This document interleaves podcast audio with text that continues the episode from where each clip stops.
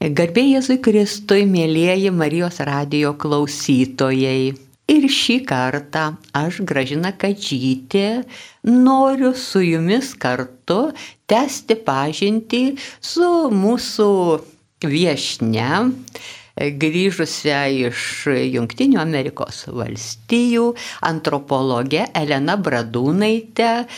Pirmoje laidos dalyje mes jau apkalbėjome, kad Elena Bradūnaitė yra mūsų žinomo poeto Kazio Bradūno dukra, gimusi pakeliui iš Lietuvos į Junktinės Amerikos valstijas, būtent su antraja su ta antrojo pasaulinio karo pabėgėlių banga. Amerikoje gimė jos kiti šeimos nariai, brolis, sesuo, kaip žinau. Na ir tenai buvo labai svarbu išlaikyti lietuvybę ir labai daug mes žinome Kazis Bradūnas yra ir rašęs, ir kalbėjęs, ir veikęs lietuvybės labui. Aš tikiuosi, kad mes dar susitiksime šios temos pokalbiui dar vienoje laidoje, tai jau bus apie Lietuvos šviesuolius. Ir dabar grįžtame prie mūsų viešnagės, ateiname į svečius kartu su antropologe lietuvę Elena Bradūnaitė ir labai norėjau, kad šitoje laidoje, mėla Elena, mes pakalbėtume apie antropologiją kaip jūsų specialybę, nes kartais mes irgi taip sunkiai įsivaizduojame, kas ta antropologija, kodėl jums svarbu buvo rinktis būtent antropologijos studijas ir kaip šitas mokslas, šitos visos patirtys gali mums padėti suprasti savoje tapatybę, ją įtvirtinti. Tad kalbamės su antropologe Elena Bradūnaitė, svečiuojamės jūsų namuose ir tikimės, kad jūs, mėlyjeji Marijos radio klausytojai, tiesiog įsijungę radiją, besiklausydami mūsų, taip pat bent jau mintimis dalyvausite pokalbyje, o jeigu jums kiltų kokių klausimų, minčių, tai jūs tiesiog parašykite arba į Marijos radiją, arba, kaip minėjau, galite man į Lietuvų literatūros ir tautosakos institutą, ten yra mano elektroninis paštas nurodytas ir galbūt tada e, tas, kas jums įdomu, galima bus paruošti atskirai pakalbėti kurioje nors laidoje. Bet šioje antroje laidoje antropologija, lietuvybė ir Elena Bradūnaitė, garbė Jėzui Kristui, mėla Elena. Per amžius amen. Mhm. Taigi, mėla Elena, jūs antropologija. Mes e, čia, kur augome Lietuvoje, na, buvo tokių įvairių buvo laikas, kai nebuvo psichologijos. Paskui jau mano studijų pradžioje psichologija atsirado. Po to nebuvo etnologijos, kurie mano bendrakursiai baigė etnografiją, o apie etnologiją nebuvo kalbama, bet su nepriklausomybės atstatymu mes atstatėm ir etnologiją. Na, etnologiją pajokaujame kartais dar iki šiol, kad etnografai tai tie, kurie aprašo tautos papročius, o etnologai tie, kurie kurie aptarė apkalbą logos. Mes paėmėm tą logos kaip žodį, kad apkalba, sako, mes kalbam, jie rašo ir visi sutarėm. Ir štai antropologija irgi, kaip jūs žinote, dar taip kartais labai siaurai suprantama. Antropos žmogus, logos mokslas, taigi tiek daug apima, tai kas tai per mokslas ir kurie, kuriuo žmogiškumo aspektus jis suima į savin. Čia Lietuvoje tai turbūt, kad daugiausiai buvo suprasta, kad antropologija lyg fiziologijos žmogaus studija, reiškia kaulų matavimas, kaukuolys tenai, kokie perimetrai apskaičiuoti, nosies ilgis, akių ten, kirpimas ir panašiai. Tas buvo tokia, bent Lietuvoje, nes man atrodo, profesorius Česna čia buvo, kur labai antropologijos. Česnys. Česnys iš Suvalkyjos, kaip tik mano krašto, kur labai gražiai irgi studijavo va, tą fizinę antropologija. O Amerikoje ir tikrumai Anglijoje irgi labai stipriai vyko toks va 19 amžiaus gale, 20 pradžioje susidomėjimas kitom kultūrom. Būtent Anglijoje, nes kas jie kolonijos, visur po Afriką išbarstytos ir ten daug visokių tie gyventojai ar mokslininkai kiti, kur, ar daktarai, kur gyveno, aprašydavo papročius.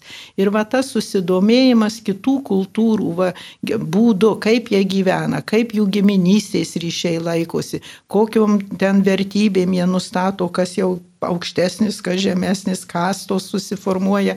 Visą tą ir tuose mažesnėse kultūrose jie daug geriau galėjo viską stebėti.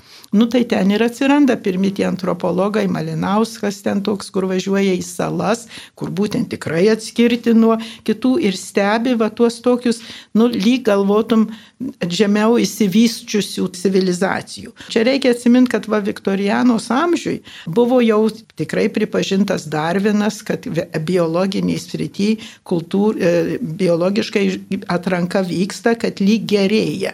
Ten dėl kandys ten prie medžio buvo tokios spalvos, kai atsirado dūmai po industrinių amžiaus, jos papilkėjo. Reiškia, kad išliktų gyvos, prisitaiko prie savo aplinkos. Tai čia jau Darvino tas toks dėsnis, o pritaikyti pradėjau galvoti, aha, tai gal ir civilizacijos savotiškai turi pakopas ir jos vystosi nuo tokių pirminių, gal, sakykime, pirmykščių ir tada kyla jau civili, kultūrėjas, civilizuojasi ir aukšt, aukščiausias rangas buvo aišku Viktorijanus Anglija. Jau mes čia daugiausiai visko pasiekė. Tai buvo savotiška tokia pažiūra, kad lyg su, susiluoksniuotas ta civilizacijos raida visa. Nu dabar jau pasikeitė, dabar suprantam, kad mes tikrai nelabai jau čia tokiais rangais galim matuotis, kad visos kultūros turi tam tikrus savo dėsnius ir kad jos savo aplinkoje, savo ekosistemoje, ko gero visai neblogai prisitaikė ir kad ten būtinai brukt kitų kultūrų vertybės jiem ne visada būna į naudą. Ir būtent labai daug studijų pradžioj buvo, kad tikrai va padovanoja geležinį peiliuką, primityvą, Afrikos kokia arba Pietų Amerikos Amazonėje, kur nebuvo geležies ir visiškai suirsta jų, jų visa kultūra. Nes jie kažkaip su, su akmenukais, su kitais mokėjo ir bainas, ir viskas apskaičiuota buvo pagal ką jie turėjo po ranka. Astaiga atsirado peilis ir viskas pas, nu, sus, susdrasko kultūrą, gali sakyti. Tai va tada pradėjau mąstyti, kad palauk, palauk, gal mes čia visko taip greit visiems neeksportuokim. Ir ta antropologija va taip vystėsi. Ir į ją tikrai įeina labai daug plačių sričių. Ir psichologija, ir palyginamosios religijos mokslų reikia įtraukti. Ir daug tokio pasaulio pažinimas. Ta žmogus vis tiek nesėdi vienas. Jis kontekste. O tą kontekstą pažinti kultūrinė prasme. Nebūtinai vakauliukai irgi svarbu. Bet kaip ta kultūra, kaip ta visuomenė, bendruomenė veikia tą vieną žmogų ir jo santyki su jo aplinka. Mėla Elena, klausausi dabar jūsų, taip čia paminėjote tuos e, tyrimus antropologų kelionės į kitas e, civilizacijas, į, į kitas gyvensenas, o dabar grįžkime taip prie mūsų ir tos mūsų lietuviškosios antropologijos. Norėčiau tiesiog labai paprastai paklausti, o kada jums įmintis atėjo, kad jums reikėtų būtent studijuoti tai, ar tai išaugo iš tos lietuviškosios pajautos, ar iš kitų mokslų. Ir kaip yra, kai antropologija studijuojantis yra orientuotas į kitus ir kai orientuojatės ne tik į kitus, bet ir į savuosius, į savąją aplinką. Čia kartais būna ir mokslinių diskusijų, ar tu gali savo aplinką objektyviau įvertinti. Svetimas atėjęs gali gal kai ką, bet, bet jis nesupras kai kurių subtilesnių dalykų. Tai dabar Margaret Mead, pavyzdžiui, labai didelė antropologija, Samoai ten darė, rašė studijas jau kaip ateivė iš kitur. Ir pasirodo dabar tik paaiškėja, kad tie jos jau pateikėjai, suprasdami, kad jie iš kitur daug jai dūmų pripūtė ir kad jos ta, ta visa užrašymai ne visur viską teisingai at, atspindi. Reiškia, ji net nesuprato subtiliau humoro, kurį naudojo žmonės, kad jai tiesiog ne, ne viską teisingai išaiškino. Tai čia aš jau įsiterpsiu, liežuvis panižo, turbūt mūsų tie, kurios remiami šaltinius senųjų raštų, kada atvykėliai rašė apie lietuvius, jų papročius ištraukdami iš tam tikro konteksto ir aiškindami savaip, tai nėra pats patikimiausias dalykas. Ne, tikrai nėra ir labai va, dėl pagonybės kartais te visko prirašyta gali būti, o tikrai jeigu būtumėm patys save daugiau dokumentavę, gal visai ką kitą būtumėm užrašę. Tai va, tai yra ir pliusų, ir minusų, kai savas arba nesavas, kitas tave studijų. Geriausia, kad ir tų, ir tų paėmus tada žiūrėti. O man tai asmeniškai, nu kai augau Amerikoje, įsivaizduokit, mes augam lietuvių šeimoje, namuos tik lietuviškai kalbam, draugai beveik pagrindiniai, su kuriais galim jau daug draugauti, lietuviukai. Bet mes matom tą amerikiečių pasaulį, einam į mokyklą, kur viskas angliškai, draugų mokykloje irgi amerikiečių turim. Taip, kad pradedam pastebėti skirtumus. Aš jau visai mažą pastebėjau, kad mokytojus šeštadieniniai mokykloje mes juos labai gerbiam, atsistojam, kai į klasę ateina. Žodžiu, pirmoje eilėje sėdė, jeigu renginiuos visada mokytojai pirmoje vietoje. O amerikiečių toli gražu, jie maždaug, nu gerai, ten jeigu kur reikia, vis tiek mokytojų pavadina ar ką, bet ypatingo dėmesio ir tokios pagarbos ne, nes, nerodė. Paskui maistas, aišku, visai kitoks irgi tuoj pat pastebim, kad vaikai jų vieną valgo, mes visai ką kitą. Nu tai tokie va paprasti vaikiški dar gali sakyti. Patyrimai man pradeda jau rūpėti, nu kodėl taip yra, kodėl taip vienaip vienur, kitur kitaip. Tai čia dar tik lieka. Paskui aš vėliau labai susidomėjau gimnazijoje, būdama gimbutienį studijom Balts, jau ji buvo anglų kalba išspausdinta knyga ir man ten labai archeologija jau įdomu buvo. Tai kai į universitetą stojau, tai pirmą galvojau archeologiją, parašiau, kad man būtų įdomu išmokti. Bet archeologija yra po antropologijos fakulteto kaip sakant, skaičiu, jie po, po, tuo, po tuo stogu. Tokia sudėtinė Sudėtis dalis. dalis, kad ten va gali specializuotis, bet turi tuoj pat imti ir visus tuos kitus antropologijoje reikalavimus išpildyti. Ir labai įdomu man pasidarė. Čia ir psichologijos, ir religinių tikėjimo studijos visokius, kodėl vieni vienaip tikėjimas sustato kiti, bet kad visur pasaulyje tikėjimas yra irgi jau aiškiai nu, gali įrodyti. Taip, kad labai buvo įdomu man jau tada supras, kad ir ta archeologija, ją vieną, jeigu te kokią turėsi šukelę ir ją analizuosi, reikia supras ir tos kultūros visumą. Tai va, tai čia buvo man tokia paskata ir atsimenu, pirmas vienas te uždavinys buvo kažkokį pasirinkti Afrikos kokią, ar kokią nors kultūrą e, pasaulyje ir tada šeimos giminystės ryšius surašyti, kokiais vardais, kas te vadinasi, kaip ir kokios pareigos dėdės tenai ant savo ten brolvaikių ir panašiai tas šeimų pareigų susiskaldimas, susiskirstimas.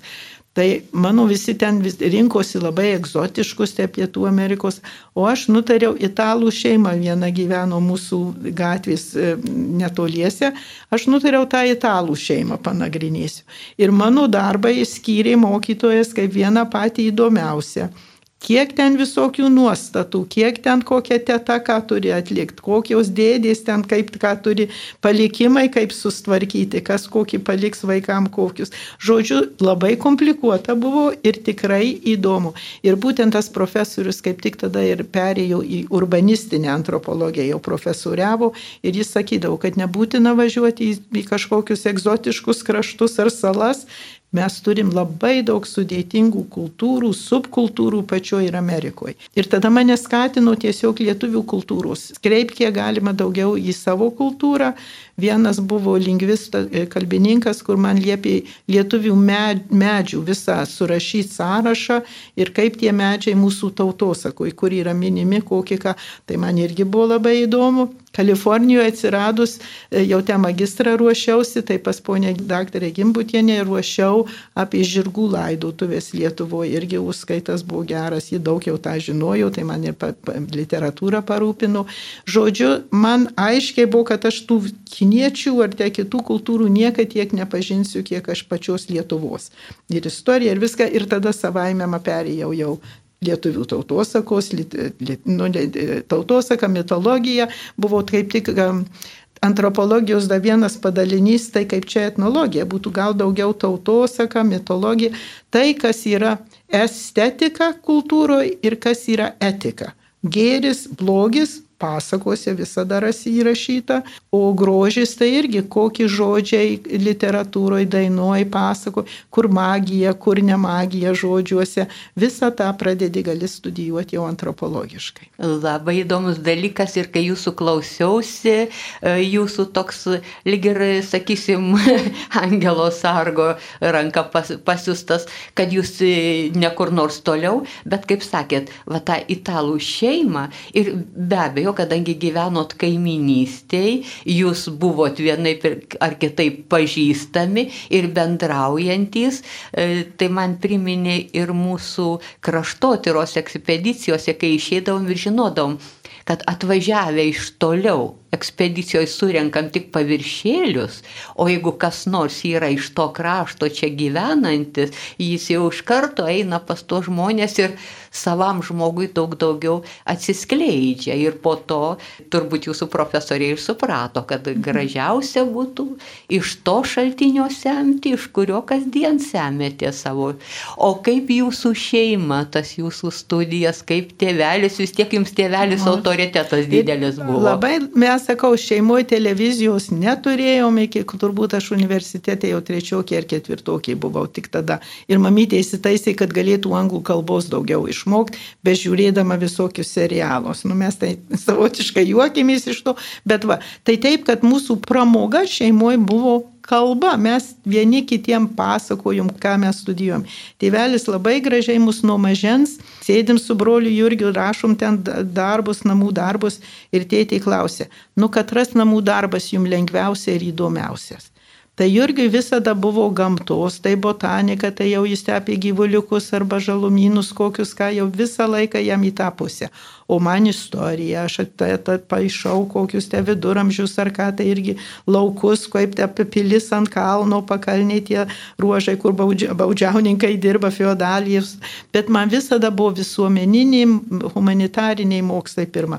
Tai va, tėvelis jau tą matydamas, mum kalėdom visada pritaikydavo knygą pagal mūsų jau pasirinktą discipliną, gali sakyti. Tai nuo mažens tas jau, ir tėvelis labai pats istorija domėjosi, kultūrom aišku, tai mes labai daug kalbos bendros turėjom ir jam buvo labai įdomu, mane tiesiog, sakau, pareidavom iš pradžios mokyklos, turėjom daugybos lentelę atkartot, o jau universitete irgi namuose gyvenau, parėjus paaiškinti, ką man ten jau dėstų tie profesoriai ar kalbininkai, ar ten antropologai antropologai ir psichologai, kokie nauji vėjai sukasi akademijoje. Ir tėvelis tą paskui panaudojo, man atrodo, ir tą kultūrinį priedą, kai redagavo. Jis suprato tą kultūrą labai plačia prasme. Tai va ir traukdavau straipsnius ten. Mhm. Tiesiog jūs labai gražiai bendradarbiavote ir tame. Ir kada jau jūs savo e, tas studijas, e, juk studijos yra taip, iš pradžių semiesi, viską mokiniesi, gauni, o po to jau žiūri, kad gali šiandien bei ten panaudoti, kur nors būti naudinga, e, nuo kada jau prasidėjo jūsų ne tik moksle semtis galimybės, bet ir atiduoti galbūt savo bendruomeniai, kuri mm. ten buvo. Pirmiausia, galbūt stovyklose, aš jaunimo stovyklose vadovavau, ateitininkai buvo užpirkę Dainavos didelį žemės plotą, visai kaip Lietuvos dzūkija atrodo, merkinę galėtum te perkelti. Ažuolai, pušys, ežeras, spyglys, visiškai, kas atvažiuodavo jau vyresnės kartos, mes tai vaikai Lietuvos nematė, bet jie vis sakydavo, ai čia visai kaip Lietuva. Tai ta Dainava buvo stovyklavietė, kur profesorius Damušis su žmona surado tą žemę, tada visų visų aukos po dolerį, po penkis sumetė pinigus, kad įpirkt, pastatė barakus, kitą salę jau tokia didesnė, laužavietės, teniso tenai aikštė padaryta buvo ir jaunimas suvažiuodavo iš visur, iš Detroito, Clevelando, Čikagos ir jaunimui labai gerai susipažinti su kitais lietuviukais jau kitam mieste gyvenant.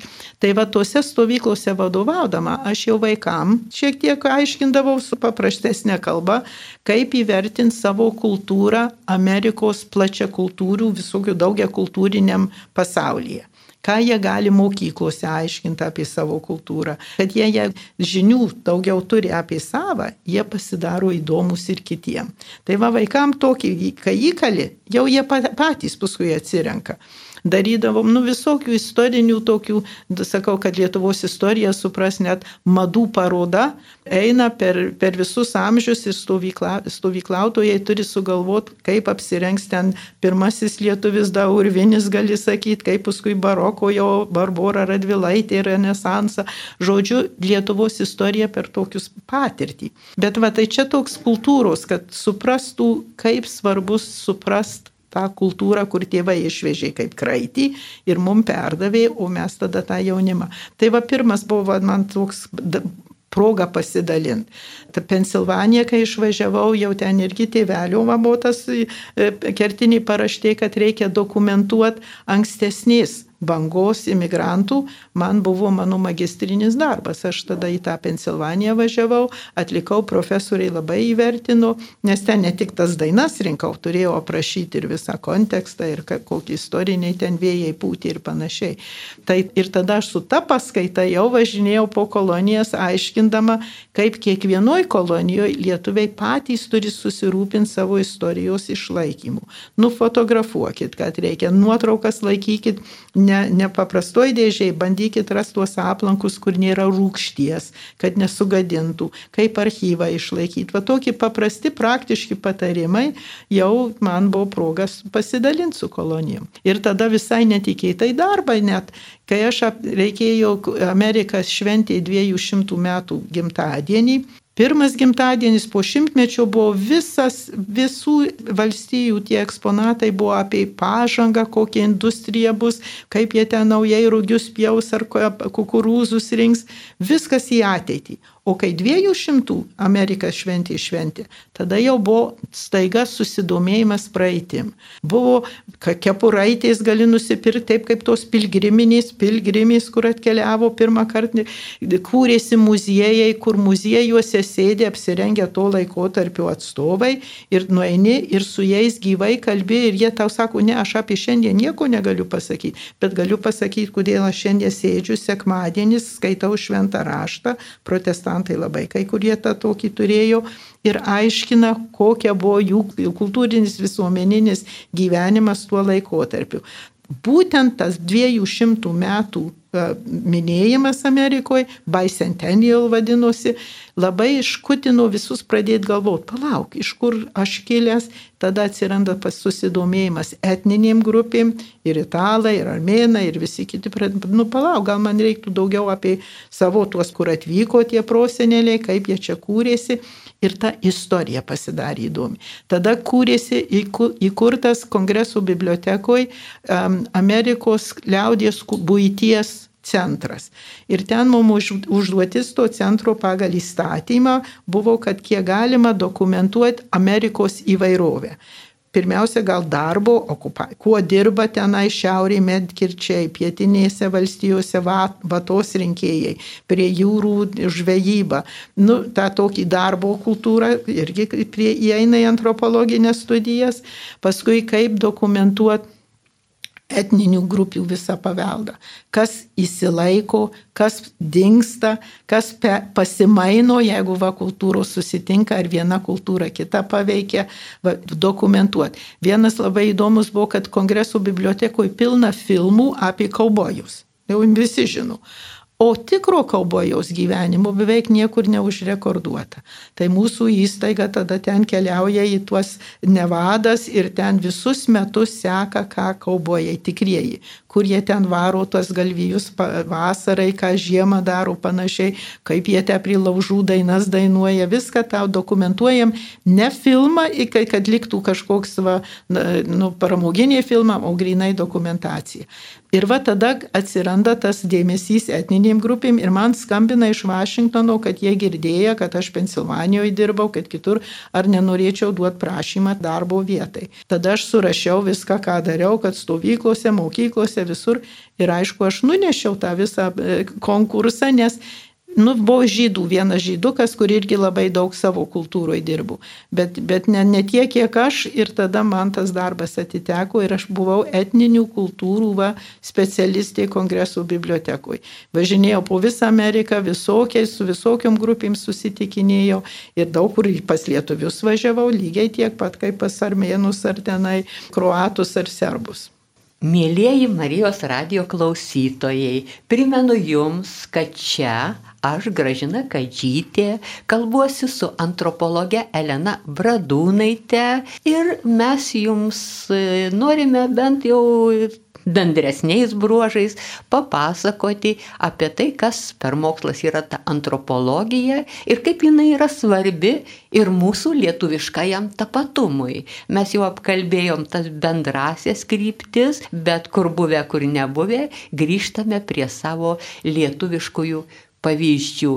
Ir štai, mėla Elena, jūs pasakėte labai tokią stiprią tiesą, kurią ir mums kraštotiroj mokytojai vadovai pasakydavo, žmogus, jeigu nori sukurti ateitį, jis turi ir žinoti savo praeitį Ir jis turi visą laiką stebėti, analizuoti ir, kaip jūs sakot, netgi dokumentuoti savo dabartį, kad atiduotume ateičiai tai, kas tikrai patikima iš pirmų rankų, iš pirmų lūpų.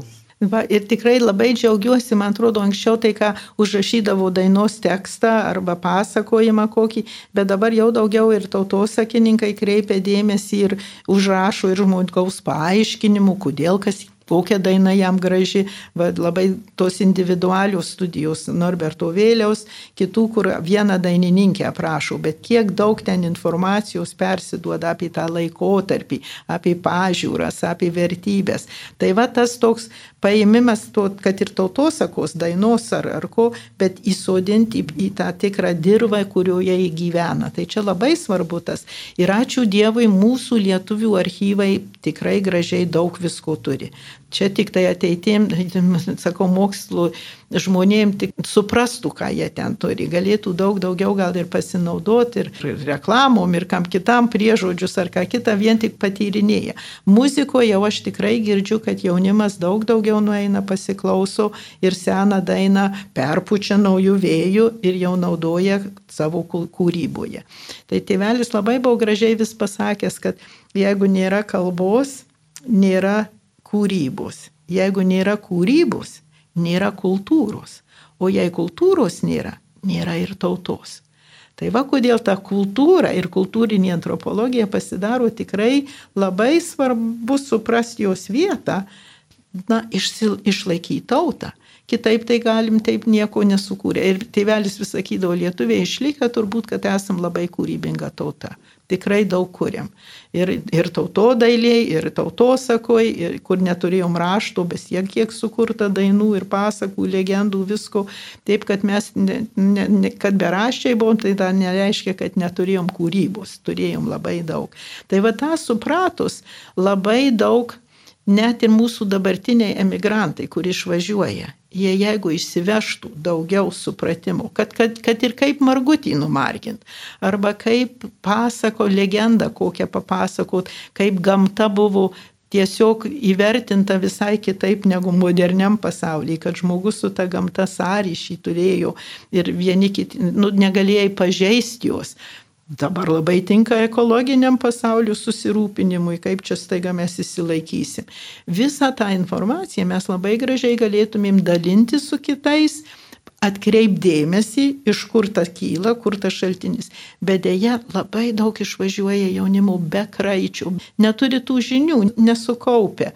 Ir tada man gaila žiūrau, kad jie neturi kuo dalintis, net tam naujam pasaulyje atsiradė. Tai čia Dievui, da sakau, dėkoju, kad tikrai daug sukaupta ir aš tik laukiu tų daugiau progų, kad žmonės pradėtų naudotis. O tapatybei mums reikia tą pažinti šaknys be šaknų, tu tada lieki toks vėjo sklaistomas lapelis rudeniu nukritęs ir kur papūsi, ten atsirasi, bet tu jau šaknų iš tokio lapelio nieko neišleisi. Aš tai dabar prisiminiau, kai mes iškovojom, gavom iš Dievo rankų šitą nepriklausomybės metą, kuriame gyvename, irgi reikia pagalvoti apie savo tapatybę ir tas šaknis ir visus tuos etninius, prigimtinius, paprotinius dalykus, supratom, kad vis tiek iki galo niekas negali iš mūsų ištraukti, išrauti, išvalyti visko, visada turim pamatus ir tie pamatai, tarkime, mano kalendoriniuose papročiuose supratau, kad tai yra visų šventųjų vėlinių metas, Kalėdos ir Velykos. Trys banginiai, ant kurių laikosi mūsų tas lietuviška, lietuviškoji tapatybė, e, būtent labai kalendoriuje labai daug davė tas supratimas, na, jeigu lietuvis, tai aš Romos katalikas, kaip čia buvo aš Vileišių rūmose, Lietuvių literatūros ir tautosakos institute besidarbuodama. Ir Vileišio atsiminimus skaitydama radau tokį, kad kai jį buvo paskirstimai, kai jis baigė Peterburgo universitetą, jis labai norėjo į Šiaulius grįžti mokytojauti ir vienintelė kliūtis buvo ta, kad skirstimo komisija paklausė, kokio esi tikėjimo, jis pasakė, suprantama, lietuvis Romos katalikas ir iš karto katalikams vietos šitame krašte nėra. Į Uralą, už Uralo, į šiaurę, bet tik ne šitame krašte. Mhm. Ir per visą mūsų istoriją, kaip žiūrim, e, lietuviškoji mintis su katalikybė, su jos gynimu tikrai labai ilgai. Ir mes esame jau prieš tą laidą truputėlį kalbėję, kad e, etniškumas, tapatybė tautiškoji ir religija yra tokie labai, labai susiję. Labai susiję ir, tai sakau, va, Amerikoje, kai mes žiūrėjom į ta, įvairių tų kultūrų ir aš tikrai tokį turiu beveik visus šiek tiek supratimą, labai įdomu buvo, kad ilgiausiai ir stipriausiai įsilaiko žydai, graikai ir armėnai.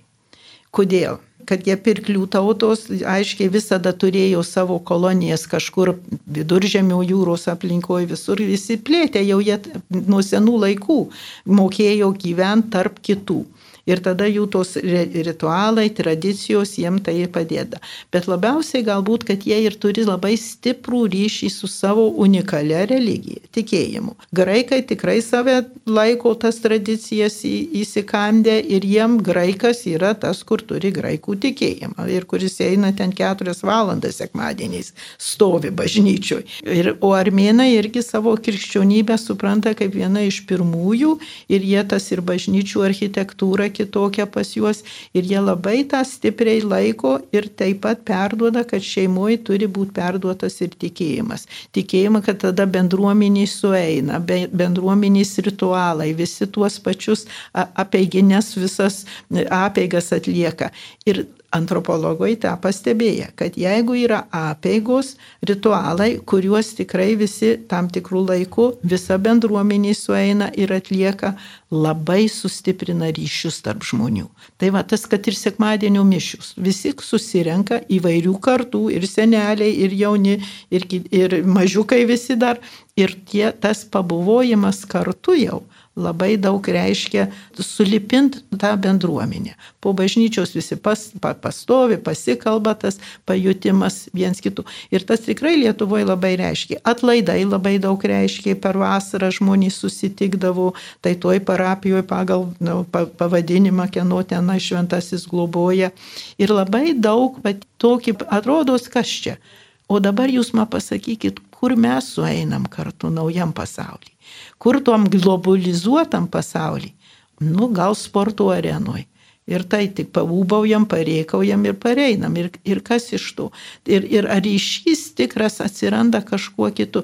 Tas tikėjimas, kad kažkuo tiki aukščiau už save, aukščiau už savo bendruomenę, vis dėlto tą ryšį visai kitokį supina tarp žmonių, negu vien tik tai va sporto, sporto arenoje pareikaujant, arba tokius pačius rūbelius ten perkant pagal madą, kad aš visi, visi mes panašiai, nu tas panašumas, nežinau, kiek jis vertingas, bet kompanijom tai labai gerai, kai jį perša tą kitą. Jau ten kapitalistiniai, gali sakyti, motyvai daug ką nustato. Ir čia ir yra pavojus, kad jeigu leisim vien tik ekonominiam dėsniam mus programuot, nes tikrai programuoja. Antropologijoje tą tikrai supranti, kiek mes visi esam užprogramuoti. Ar šeimos vertybėm, ar šeimos patyrimais, pasakojimais, kiek veikia va, tie vaikystės ritualai. Mus visus taip kaip kompiuteriukui į mus įstato tam tikras programas ir mes per gyvenimą jas atmetam, tai jeigu pasodinsi kitą gerai, bet jeigu nieko tuščia. Ir va tas dabar ekonominis toks, kad tu pagal pirkimą savo asmenybę ugdai kažkaip. Čia jau klaustukas. Ir va atsisakius tų senų ritualų, kur ai čia tik praeitį, jau jie mums nieko nereiškia, nereikia, labai vis dėlto didelę žalą gali padaryti. Ir ko gero žalą daro tas dabar labai madingas visuomenės suskaidimas tokiom plokštumom. Darbas su vaikais, darbas su jaunimu, darbas su seneliais, tarytum tai būtų ne tos pačios genties, ne tos pačios tautos, ne tos pačios šeimos žmonės. Kaip ir sakome, ir pasižiūri ir bažnyčioje labai apsidžiaugi, kai pamatai, kad tikrai čia, čia ir vaikai, čia ir jauni tėvai, ir dar šalia sėdi seneliai, močiutės tai tada yra pilnatvė. O kur mes kitur tą matytumėm? Beveik niekur. Tai va, ką bažnyčios ritualai, tikėjimas tikrai labai daug duoda. Amerikoje tikrumoje, kur bendruomenių tikrai va, etniniais grupės, tai gerai, jeigu parapijas turi, bet labai daug ten yra jau miš, mišrių šeimų ir viską, kur jau tų etninių tapetybių nelabai jaučia, bet tada kas pasidaro bažnytėlis. Kiek mes tų visokių krikščioniškų ten tų e, atsiradę protestantų visokių bažnytėlių, bet jos mažos, jos nedidelės bendruomenės ir jose būtent susikūrė bendruomeniškumų visas įgyvendinimas. Ten ir eina šventą raštą kartu skaito ir tada, kai kas serga, jau iš tos bendruomenės ateina sriuba atneša. Yra taip, ką Lietuva įsilaikė, kad mes buvom žemdirbiai, mažai gyvenom, kas mieste darėsi, mus nelabai veikia. Ir būtent va tie ritualai, tie ta kalendoriniai šventės, tas visas bendrum, bendruomenės pajutimas. Net sako, būdavo te ir jaunelis kvailelis tam kaime. Ir tas buvo įtrauktas ir, ir turėjo savo vietą. Taip, kad va, mažesnėse tokiuose bendruomenėse galima daugiau šilčiau ugdyti tuos tuos bendrystės nu, ryšius. Tai mano manimu, kad lietuvėlė, Dieve, tu manau, mes maža tauta, mes tikrai galim tarpusavį daugiau pagalvoti, nejaugi tik krepšinio skylėtas maišas mus riša. Tikrai ne, e, nes aš žiūriu ir tenka vis tiek po, po kaimus pavažinėti ir yra, čia buvo pas mus bendruomenių atkūrimas, kai kur buvo tik tai paramai gauti, tai ten taip ir nunyko, bet yra labai tikrai gražių bendruomenių ir kaip jūs sakote, tokie nedideliais pulkeliais, vis dėlto labai svarbu, kad mes galim prisidėti. Darbu, pagalba, gerų žodžių, patarimų, vieni kitiems tas, tas mūsų vienyje ir tikriausiai ir vertinam, na kaip mokyklą prisimindami. Vienas sako, a, man mokykla nieko nedavė, paklausi, tai jis ten niekur nei bureliuose dalyvavo, nei nieko, jis mokyklai irgi nieko nedavė. Tas, kuris jau yra atidavęs, tam yra tas laikas ir ta vieta yra labai miela, nes ir tu atidavėjai kažką.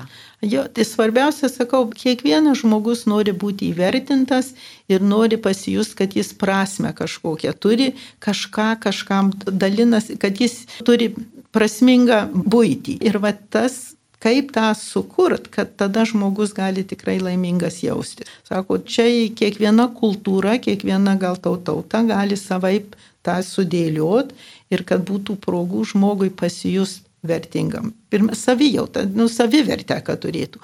Tai dabar net Amerikoje, va, pavyzdžiui, sen, kalbėjom apie senelių prieglaudas. Dabar labai pradėjo statytas prieglaudas arti mokyklų. Ir vaikai po pamokų ateina pas tuos senelius, ten jiem padeda kai kurie ir abeicėlė išmoks skaitimui, bet tikrai ir tiem, ir tiem pasidaro jie prasmingi. Vieni, kad padeda seneliam, irgi dieną praskaidrina, o seneliai pasijunta reikalingi net ir tam jaunimui kažką perduoti. Tai čia vasakau, kai staiga lyg pairo ta šeimų ir struktūra daug kur, jis vėl atstatoma va šitokiu būdu daug kur Amerikoje. Ačiū, mėla Elena, ir vėl prabėgo 40 mūsų laidos minučių, tai besikalbant ir kalbos nepabaigiamos, o sustojame labai gražiai ties tuo, kad mūsų labai didelis lobis yra šeima, ta didžioji šeima, ne ta šeima, kur aš susitokiau ir mūdu du, bet ir seneliai, ir galbūt net ir proseneliai, jeigu, jeigu Dievas davė jiems ilgam amžių ir į kitą pusę vaikai, vaikaičiai, kurie nusineš mūsų lobius į ateitį. Tad noriu visiems Marijos radio klausytojams palinkėti ramybės, atgaivos jūsų šeimose, jūsų didžiosiose šeimose, kurios į giminės įsiplečia. Ir Šį kartą aš, Gražina Kadžytė ir mūsų viešne antropologė Elena Bradūnaitė atsisveikiname su jumis iki kitų kartų. Tikiuosi, kad tų kartų gal dar ir pasitaikys, nes mėloja Elena, kai jau pargrįžta iš Havajų, tai Lietuvoje tęsia savo viešnagę iki tol, kol įmanoma, iki paskutiniųjų, kol jau ją šaukia, grįžti reikia. Ačiū, mėla Elena, kad buvote su mumis, dalyjote savo mintimis. Žinau, kad jūs po Lietuvą važiuojate daug ir paskaitų skaitot ir va čia vieną tekstą skaičiau, mintys apie tai, ką Lietuvoje, kas jau kokie daigeliai kalasi ir ką dar galima būtų padaryti. Aš tikiuosi, kad mes dar susitiksime. Bus smagu. Ačiū. Ačiū.